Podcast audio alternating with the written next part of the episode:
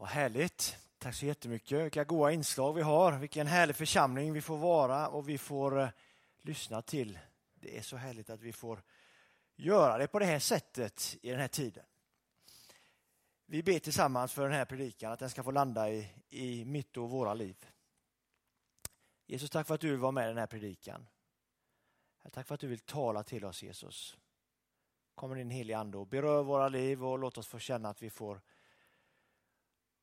vandra med dig, Jesus, in den här veckan också, Herre. Amen. Jag tänker att vi inte ska leva som gnuer. En gnu, inte för att de är dåliga djur, de är säkert jättefina, men de lever lite så här att de vandrar väldigt långt för sitt vatten. Eh, det finns en stor gnuvandring som årligen sker där nästan två miljoner djur vandrar i flockar mellan nationalparken Sergeti i Tanzania och slätterna i Masi Mera i Kenya. Och varför sker den här vandringen? En av dem, orsakerna alltså, är för den här vandringen beror på att regnet när gräset försvinner driver regnet flockarna vidare mot frodigare landskap där de kan äta och dricka. De många djuren rör sig alltså ständigt mot grönare betesmarker för att säkra sin överlevnad trots de farliga grejerna som väntar på vägen. Och så här säger Efesierbrevet 1, 7-14 som är dagens text i kyrkåret. I honom och genom hans blod har vi friköpts och fått förlåtelse för våra överträdelser. Så rik är den nåd med vilken Gud har låtit all vishet och klokhet flöda över. Och han har yppat sin viljas hemlighet för oss. Det beslut om Kristus som han har fattat från början och som skulle genom föras när tiden var inne. Att sammanfatta allting i Kristus, allt i himlen och på jorden. I honom har vi fått vår arvslott, förutbestämda därtill av honom som låter allt ske efter sin vilja och sitt beslut. Vi ska vara Gud till pris och ära och vi ska redan på förhand ha sett vårt hopp till Kristus. I honom har också ni redan fått höra det sanna ordet, evangeliet om er frälsning. I honom har också ni, sedan ni kommit till tro, fått den utlovade helige Ande som en gåva och ett sigill. Det är en borgen för vårt arv och Guds folk ska bli friköpta och Gud får pris och ära. Gräset blir inte grönare på andra sidan. Har du använt dig av det uttrycket? Jag har gjort det ibland. Inte så ofta, men ibland. Kanske att du också har använt dig av det uttrycket att gräset blir inte grönare på andra sidan. Jag har haft en del samtal eh, med människor under den här pandemin. Och Det som är slående för människor, för en del människor, jag säger inte att det är så för alla, men för en del människor som jag pratar med säger till exempel att jag, eh, när vintern och hösten kommer, hösten och vintern kommer, så brukar jag gå ner mig lite. Och då brukar jag och min familj göra olika saker för att liksom hålla uppe energin i vår familj. Vi kanske åker iväg på en resa eller två.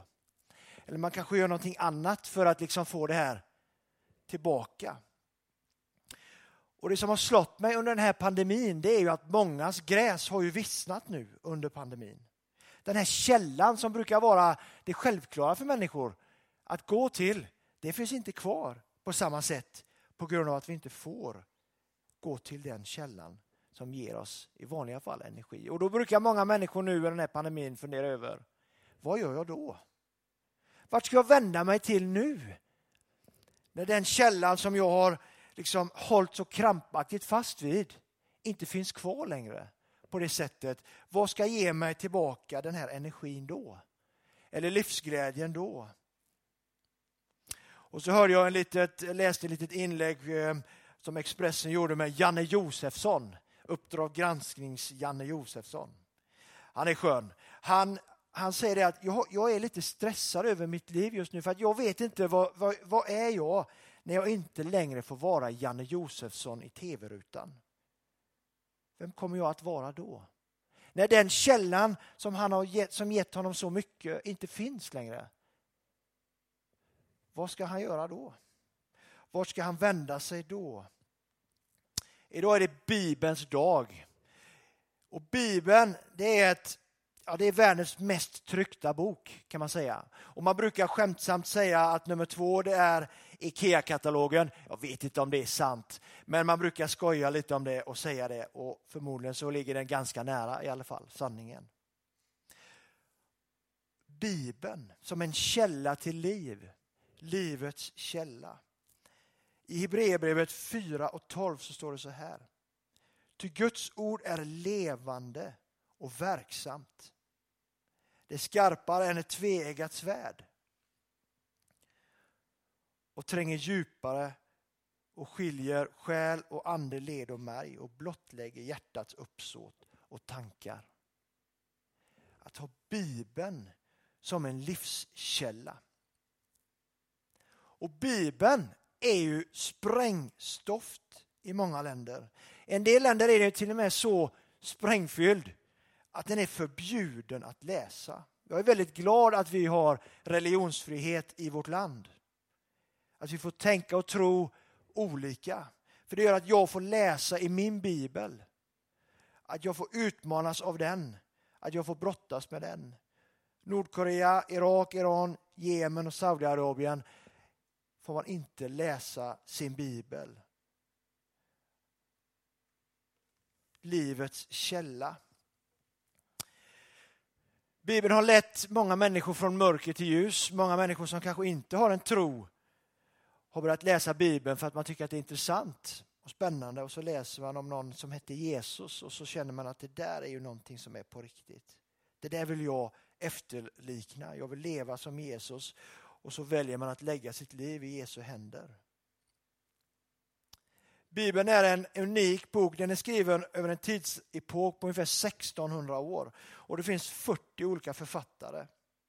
Och trots det så speglar Bibelns teman nästan alltid samma sak. Att Gud söker dig och mig som människor och våra liv. Vad är det som gör att Bibeln är den mest tryckta boken genom tiderna? Vad är det som gör att den alltid vinner de här, om man nu skulle ha med den i en tävling på, i Sverige över den mest lästa boken, mest sålda boken, så är den inte ens med. För att den dräper liksom alla där. Den får inte ens vara med. Vad är det som gör att människor i alla tider runt om i världen läser den om och om igen? Och Det står i Andra Timoteusbrevet 3 och 16. Skriften är inspirerad av Gud. Alltså den är inspirerad av Gud. Den vill tala till oss in i våra liv. Att ha livets källa, att ha en källa att gå till som berättar för mig vem jag är, hur jag ska se på andra människor, vad världen är och vad din kärlek är Jesus. Det står i Bibeln om det. Det som är så gött med Bibeln det är också att jag kan gå in och brottas med den och känna liksom att men det här var krångligt. liksom. En del grejer som står i Bibeln kan jag ju liksom fråga varför står det så? Och det är helt okej. Okay. Det är helt okej okay att läsa Bibeln utifrån ett perspektiv där du och jag liksom funderar över och vi kan brottas med en del texter och en del texter i Bibeln är ju jättesvåra. Självklart. Men själva källan i Bibeln när den pratar till oss det är att vi ska se på varandra med den här kärleken som Jesus vill ge oss. Att vi inte skulle behöva liksom leva som gnuer. Jag har ingen aning om hur det är att leva som gnu, inte du heller. Men att gå från det ena torra stället till det andra för att söka efter någonting hela tiden. Det är det människor gör nu i den här pandemin. Och du vet, den här växten här var ju kanonbra bild av Veronica ju. Jag menar, den här behöver ju hela tiden vatten och det ser ut som att den behöver vatten nu med. Men problemet är att den behöver vattnas hela tiden. Den kommer ju liksom, den håller sig inte grön annars. Den behöver ju det här för att överleva. Och våra liv behöver någonting annat än bara resor, upplevelser, allt det här. För alla de grejerna, när man väl har hällt i den upplevelsen. Vi åker alltid till Kanarieöarna säger vi. Och då, och, då, och då blir växten grön. Och det är härligt. Och det är inget fel i det. Det är kanon. Jag skulle gärna vilja åka till Kanarieöarna. Det är gött. Men problemet är att när jag kommer hem igen så märker jag att ja, men till slut så börjar den här att slokna lite och Kanarieöarna, vi kan titta på bilder lite grann och då får vi tillbaka lite igen och sen, nej, det börjar, och sen så börjar vi boka nästa resa. För att den är här nere nu och den behöver här, vara här. Och då tänker jag att det kan vara så för mig i mitt kristna liv. Vårt kristna liv kan gå upp och ner. Att säga att man aldrig brottas med sin tro, då ljuger man. Alla vi brottas som tror. Vi tvivlar och tänker, funderar. Gud, vad finns det i olika situationer, och upplevelser? Att inte leva den här liksom, tron att kristen tro, då ska man alltid vara här uppe. Vi brottas också. Vi brottas också med våran tro. Vi behöver någonstans att gå. Och där vill Bibeln ge oss den här källan. Att gå till Jesus. Och jag vet att jag behöver inte åka på en enda resa till i hela mitt liv. För jag är ändå trygg att Jesus älskar mig och att mitt värde inte ligger i någonting annat än det. Jag är trygg med det. Jag behöver inte det andra. Det är roligt med det andra. Absolut. En ny bil, jättekul. Det är inget fel i det. Ha kul, köp det. Men lägg inte ditt liv där. Och tänk att nu går jag in, när jag inte får göra det, då är livet mindre värt. Bibeln är levande, står det. När någonting är dött så är det kallt och stelt och liksom så här. Men när någonting är levande, då är det varmt och friskt och det har liksom färg och form. Bibeln är ett levande ord. Bibeln är tvärtom emot stel och varm. Den kan vara krånglig, absolut. Men den är varm och levande. Varför är den levande? Jo, för att den talar till oss idag. 2000 år senare från Jesus så lever Bibeln idag. Den talar till mig när jag läser den. Jag får brottas med den, jag lever med den, jag får läsa den. Jag får bli upprymd av den, upplyft av den, uppmuntrad. Den ger mig den här tron av att Jesus, du är på riktigt och du vill mitt bästa. Och du som funderar, du kanske har suttit i de här webbgudstjänsterna, du kanske till och med såg din chans. Att här finns en möjlighet att faktiskt eh, komma nära en kyrka, nära en församling, nära en gudstjänst på ett sätt som du aldrig någonsin har gjort. Du kanske inte ens har vågat gå till en kyrka, det är fullt förståeligt. Ibland kan det vara liksom att gå in i en, en församling, en kyrka där de alla verkar känna varandra så bra, så ska man gå in. Det är inte alla som är bekväma med det, vi förstår det. Och så har du sett nu att nu har vi webbgudstjänster och så kanske du för första gången har gått in i den här församlingen via webbgudstjänst. Och du kanske har suttit på de här gudstjänsterna ganska länge och funderat över det här med Jesus som de pratar om. Du kanske är en sån där, som vi alla är, en sökare. Att vi, vi vill hitta någonting. Jag skulle vilja uppmuntra dig att det finns ro för dig i Jesus. Inte problemfritt liv, men det finns en ro i det här med att vara troende. Att ha en tro på Jesus. Du kanske har suttit och funderat över varför talar de här sångerna de sjunger till mig så starkt? Varför drabbas jag så av de här budskapet? Vi tror att det är Jesus som vill säga någonting till dig. Så du som funderar och tänker över varför måste jag alltid vara som en gnu, att jag alltid måste gå vidare. Så skulle vi som församling och jag som pastor vilja skicka med dig. Att vänd dig till Jesus. Fundera över, är det här med tro någonting för mig? Det finns vatten som släcker din törst. Jag satt på en middag en gång och så frågade en kollega, vill du ge mig lite vatten? Och så, så gav man mig vatten, vatten, en sån här. Och så säger han så här, Daniel, du vet ju också att du kommer bli törstig igen. Och han har ju rätt. Vi kommer alltid att törsta. Men Jesus vill släcka den törsten för dig och för mig. Det finns något gemenskap i, det kan finnas en gemenskap i den ensamheten du känner. Det låter ju paradoxalt, gemenskap i ensamhet. Men jag tror faktiskt att Jesus vill finnas där för dig. Jesus vill vara din vän, han vill vara din uppmuntrare. Han vill vara din gemenskap. Så om du har en gammal bibel hemma, den kanske är lika dammig som min ibland är. Det kan ju vara så. Helt okej. Okay. Ta fram den, damma av den lite och så öppnar du och funderar lite över, kan den tala till mig, den här gamla boken? Kan det här bli en källa in i mitt liv? Och det finns jättemycket olika typer av biblar. Jag skulle kunna liksom rikta upp hur många som helst. Och det finns barnbiblar, jättebra barnbiblar, Bebisbiblar. det finns mycket. Så en utmaning till dig som också är medlem i vår församling eller vänder dig hit till vår församling. Ta upp din bibel. Vi pratade om det igår, jag och min fru. Ska vi inte sätta oss lite oftare med den här barnens bibel tillsammans ännu mer och kanske läsa och be tillsammans. Utmana oss själva lite. Även som pastor kan man brottas i de här frågorna. Och så kan man låta ordet få tala till oss som familj eller som, som person. Även om du sitter ensam hemma så kan det få vara en utmaning till dig.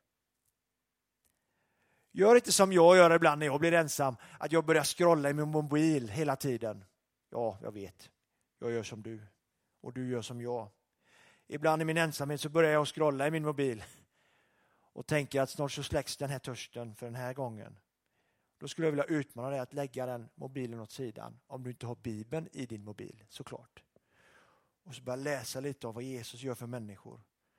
Hur han möter människor i sorg, i glädje, hur människor kommer med honom som är brustna, som längtar, som skäms, som känner sig skamsna, som känner sig allt det där som du och jag också gör. Och så får vi vända oss till Bibeln och så får vi läsa om hur Jesus gör. Så kanske att våran växt kan bli lite mera grön. Och kanske att den kan få hålla sig grön också genom ditt liv. Det är min utmaning till dig. Livets källa, Bibeln. Det finns mycket. Jag skulle säga att det finns allt att hämta där. Vi ber tillsammans. Jesus, tack för att vi får läsa om dig, brottas med dig. Tack för det Jesus. Tack för att vi får vända oss till Bibeln och läsa om hur du ser på oss och hur vi kan se på dig. Hur du tänker kring din skapelse, hur du tänker kring människor, hur vi ska vara. Jesus, tack för att vi kan få vända oss till dig Jesus och läsa den Herre. Utmana oss var och en att faktiskt läsa lite mer i vår bibel. Att vända oss till den, fundera över, kan den tala till mig idag? Jag tror att den kan göra det. Gud välsigne dig i ditt sökande efter meningen om du inte har funnit den. Jag ber om välsignelse över ditt liv att du ska få hitta den. Kanske i Jesus. Amen.